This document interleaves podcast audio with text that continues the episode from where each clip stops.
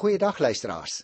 Baie welkom by ons program en ek wil sommer dadelik op die boot spring want ons uh, moet net te veel tyd verloor deur sommer net te gesels nie.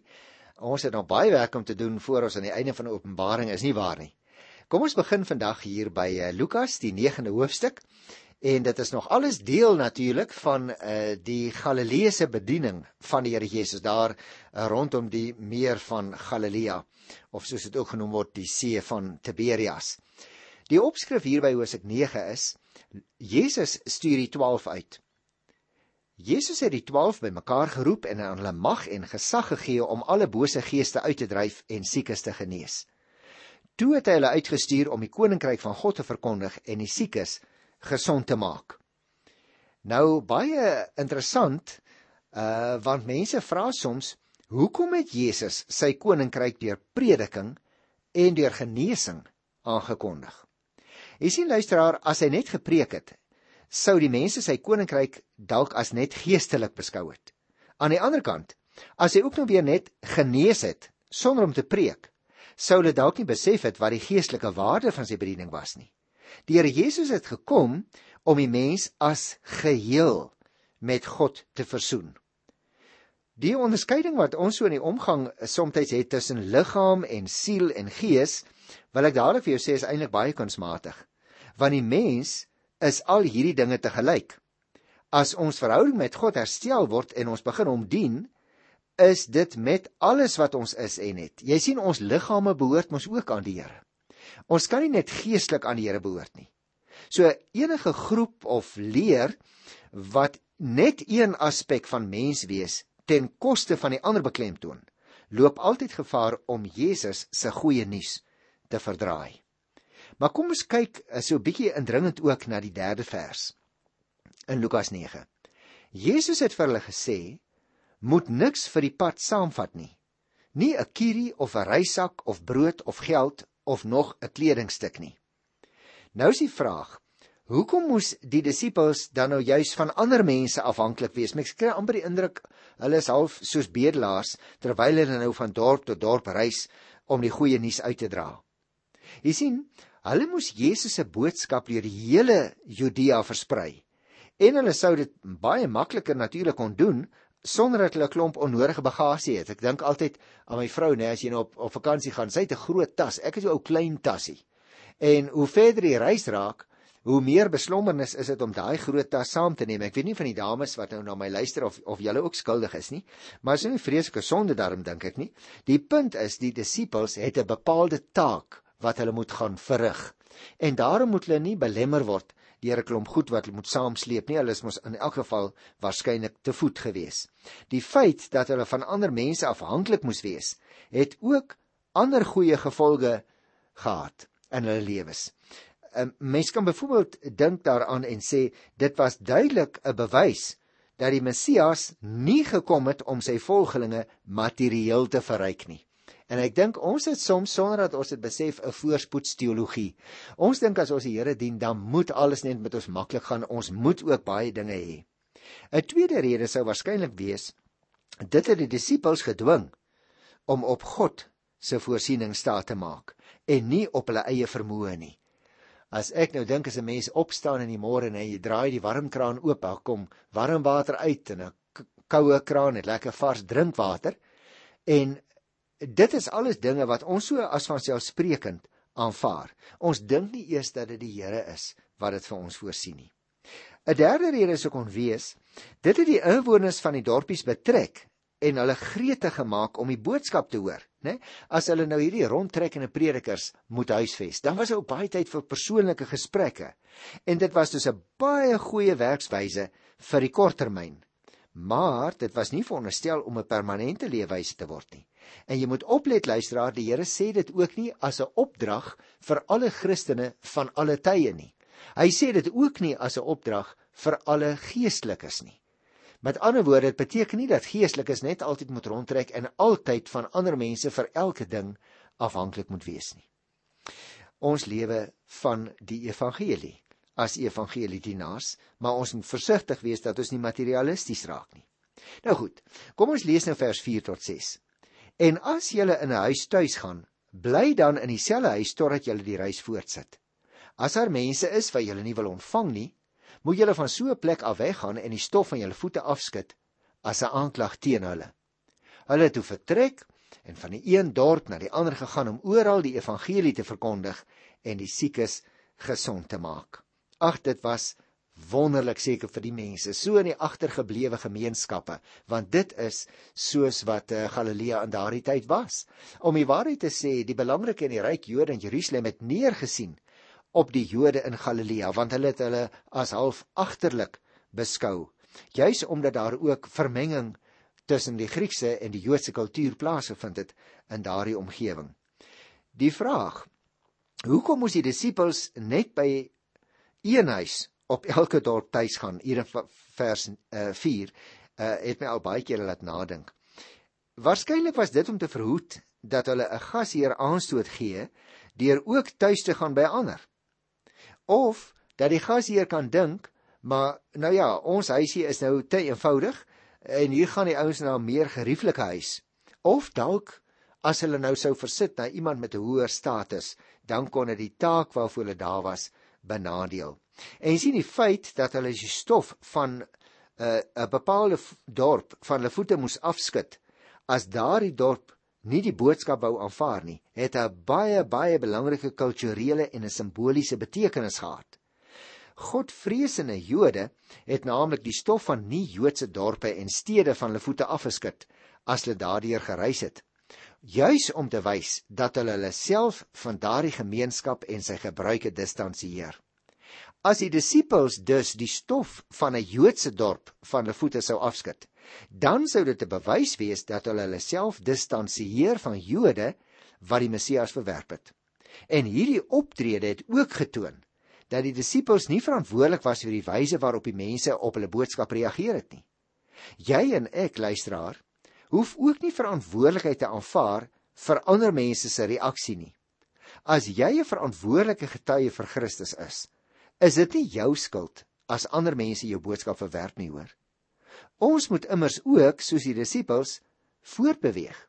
Die lewe gaan aan. Luisteraars, ons het wel die verantwoordelikheid ook om vir onsself te vra as iemand sou aanstoot neem, was my optrede nie dalk aanstootlik nie.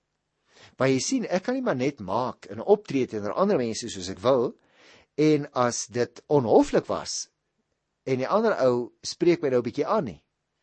Dan nou maar sê o, dis ter wille van die evangelie nie. Ek moet altyd seker maak dat ek my getuienis dalk ook in liefde en op 'n liefdevolle manier verklank, as dit ware my woorde toedraai in liefde. Ek wil net 'n uh, opsommende opmerking of 3 maak oor hierdie eerste paar verse van hoe het die Here Jesus sy disippels gelei? Hy het byvoorbeeld vir hulle die nodige mag en gesag gegee. Dit is nou net in die eerste vers gelees. Hy het ook vir hulle spesiale opdragte gegee sodat hulle presies geweet het wat om te doen. Na vers 3 en 4. Hy het vir hulle gesê hoe om probleemsituasies te hanteer. Daar in 9 vers 5, byvoorbeeld as daar mense is wie hulle nie wil ontvang nie, moet julle van so 'n plek af weg gaan die stof van julle voete afskud as 'n aanklag teen hulle soos wat ek nou net verduidelik het wat 'n deel was van hulle kultuur. Maar die Here Jesus het natuurlik ook verwag dat hulle agterna verantwoording moet doen. Want 'n mens lees in die 10de vers toe die apostels terugkom, het hulle Jesus alles vertel wat hulle gedoen het. Nou, dit lyk vir my ons kan gerus 'n bietjie hierdie meesterleier, Jesus van Nasaret se voorbeeld volg as ons ook verantwoordelik is om ander mense te lei. Ek sou vir jou wou vra want ek dink dit kom hier na vore sodat die Bybel dit vir my ook vra. Wat van hierdie aspekte wat ek nou genoem het, moet dalk ook deel uitmaak van my eie optrede en van my eie leierskap.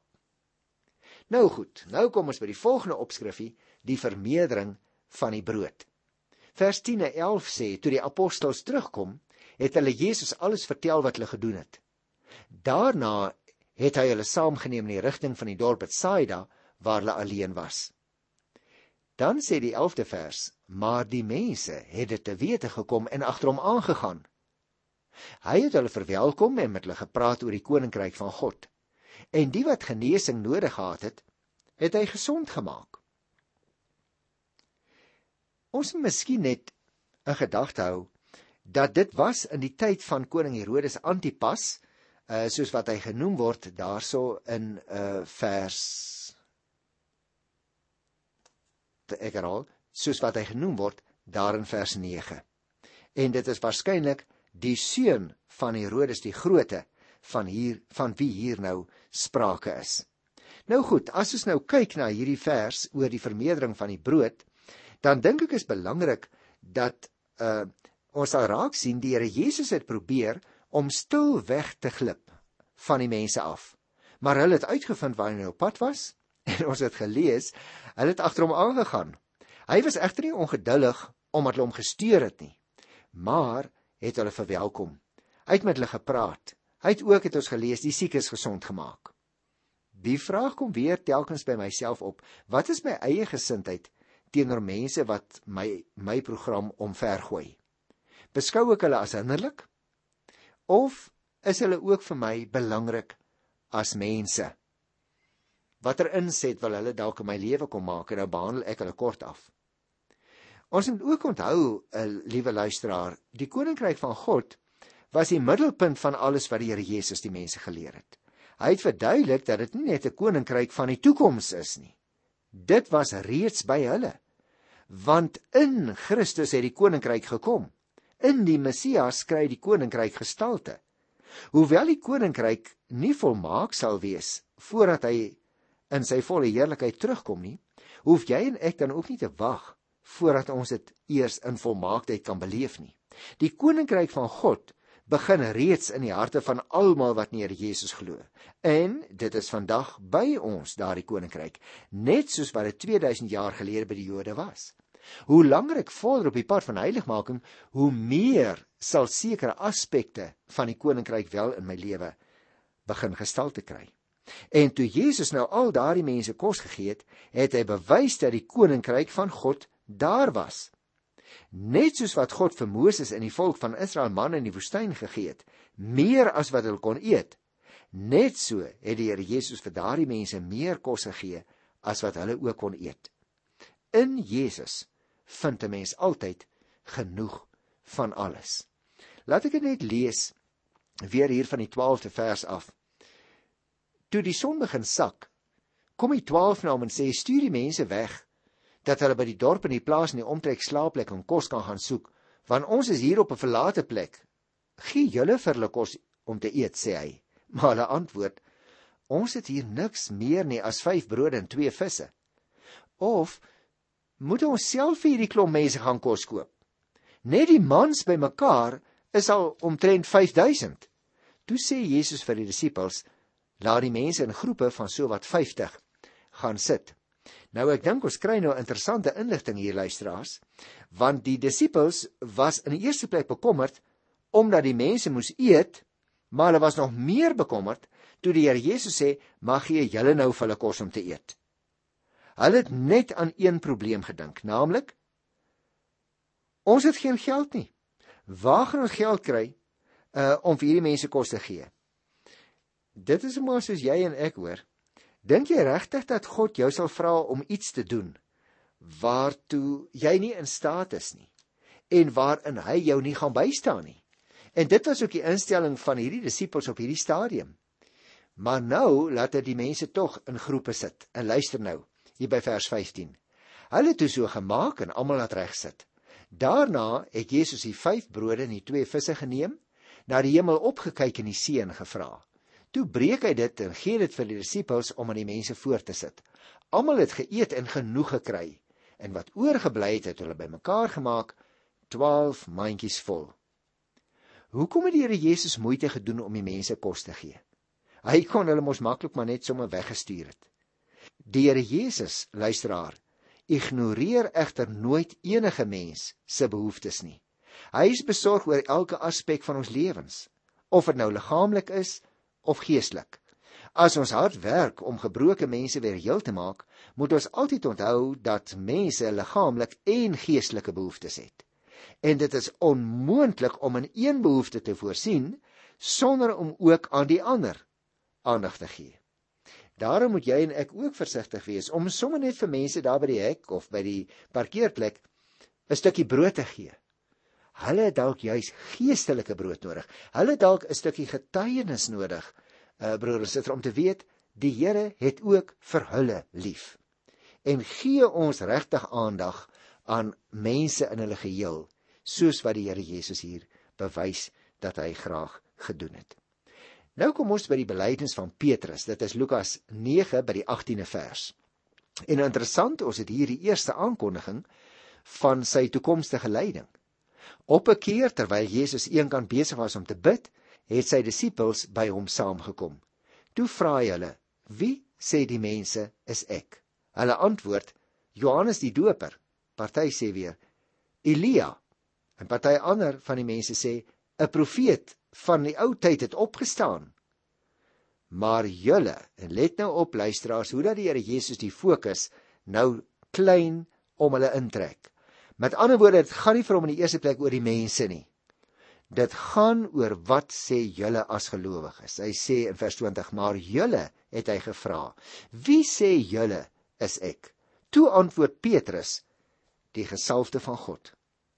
Jy sien die Christelike geloof is meer as om net te weet wat ander mense glo. Dit vereis dat ons self ook sekere oortuigings diep in ons harte sal moet dra.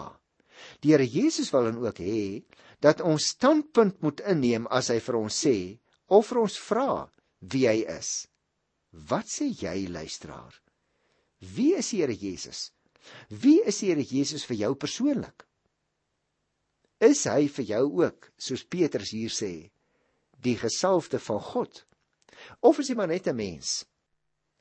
Onthou jy ons het daardie selfe aspek teëgekom toe ons Lukas 5 behandel het by die groot visvangs. In Lukas 5 daar by die 8ste vers het Petrus gesê meneer. Maar dan net so 'n paar versies later sê hy Here.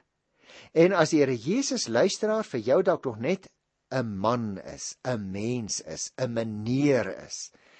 Nou ja, dan luister ons nie regtig na hom nie, maar as hy die Here van my lewe is, dan luister ek as hy praat, dan doen ek wat hy sê.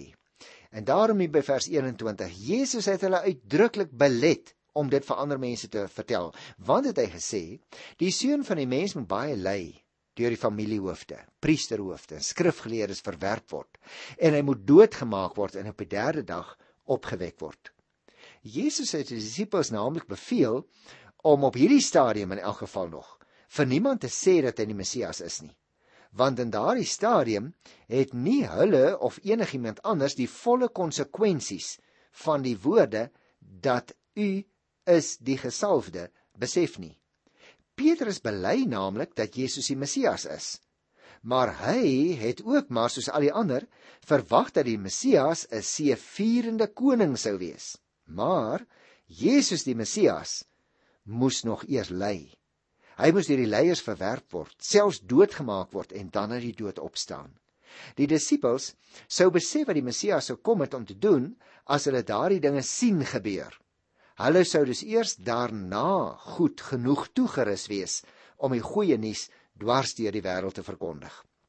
En dit is belangrik dat ons dit sal raak sien. Want dit is die keerpunt in die onderwysing van die disippels van wat hulle van Jesus ontvang het. Hierna het hy vir hulle begin vertel en hulle ook begin voorberei op die dinge wat met hom sou gebeur en wat hulle moes verwag. Hy het dit gedoen sodat hulle nie verbaas of sou wees of onkant gevang sou word oor die gebeure as dit sou plaasvind nie. Hy het ook vir hulle verduidelik dat hy nie op daardie stadium alreeds die oorwinnende Messias kon wees nie, omdat hy nog eers moes ly en sterwe en opstaan. Hy sal wel eendag in heerlikheid terugkom om sy ewige koninkryk finaal te kom vestig. Nou jy en ek vra seker te voels, ag hoe volg 'n mens nou die Here?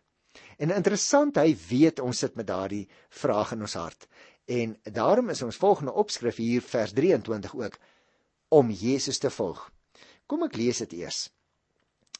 Toe het Jesus vir almal gesê: As iemand agter my aan wil kom, moet hy homself verloën. Elke dag sy kruis opneem en my volg. Want elkeen wat sy lewe wil behou, sal dit verloor. Maar elkeen wat sy lewe, let nou op luisteraars, om my ontwil verloor sal dit behou mense is tog so bereid om om baie te betaal betaal vir dinge waaraan ons groot waarde heg. Ons is maar almal so. Jesus verwag daardie soort oorgawe en toewyding van sy volgelinge. Ons moet aan minstens sê hy drie vereistes voldoen as ons hom wil volg. Ons moet bereid wees om onsself te verloon. Dis nie so maklik nie. Ons kruis te dra. Dis ook nie so maklik nie. Want luister net hoe kerm en kla ons baie kere.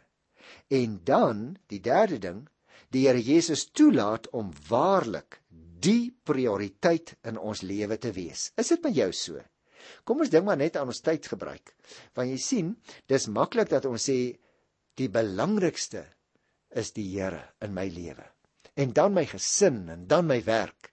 En as ons dit aan tyd meet, dan sien ons ons spandeer die meeste tyd aan ons werk, so bietjie tyd aan ons gesin en die minste tyd dikwels aan die Here Jesus.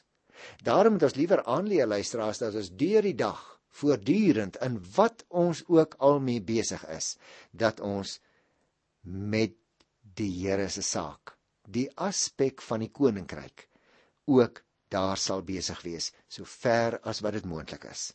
Maar kom ons doen vandag se laaste paar versies. Vers 25 sê: Wat help dit 'n mens as hy die hele wêreld as wins verkry, maar homself verloor of te gronde gaan.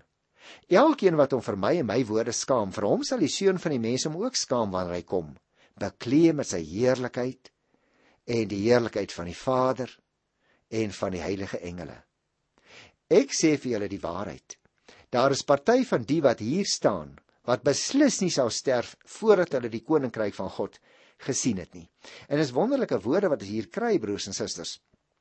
Want jy sien die Christen volg die Here deur sy voorbeeld na te volg en gehoorsaam te wees ook wat sy opdragte betref.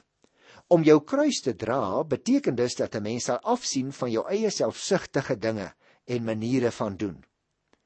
As ons nou verder lees, hoe dat hy sê ons moet as ons ons lewens wil behou, sal ons dit verloor. Jy sien as hierdie lewe vir jou die heel belangrikste is, sal jy enigiets doen om dit te beskerm. Dan sal jy ook niks wil doen wat jou veiligheid of jou gerief of jou materiële posisie gevaar stel nie. As dit egter vir jou die heel belangrikste is om Jesus Christus te volg, dan mag jy dalk vind dat jy 'n gevaarlike of 'n ongesonde, selfs 'n ongerieflike omstandigheid kan beland. Jy mag dalk selfs by geleentheid die dood in die gesig staar, maar jy sal nie daarvoor bang wees nie, omdat jy weet dat jy deur Jesus die ewige lewe ontvang het. Die mense wat slegs oor hierdie lewe begaan is, het nie daai heerlike versekering nie. Sy aardse lewe mag selfs moontlik baie langer wees as 'n Christensin, maar dit sal gekenmerk word deur oppervlakkigheid en 'n gevoel van waardeloosheid.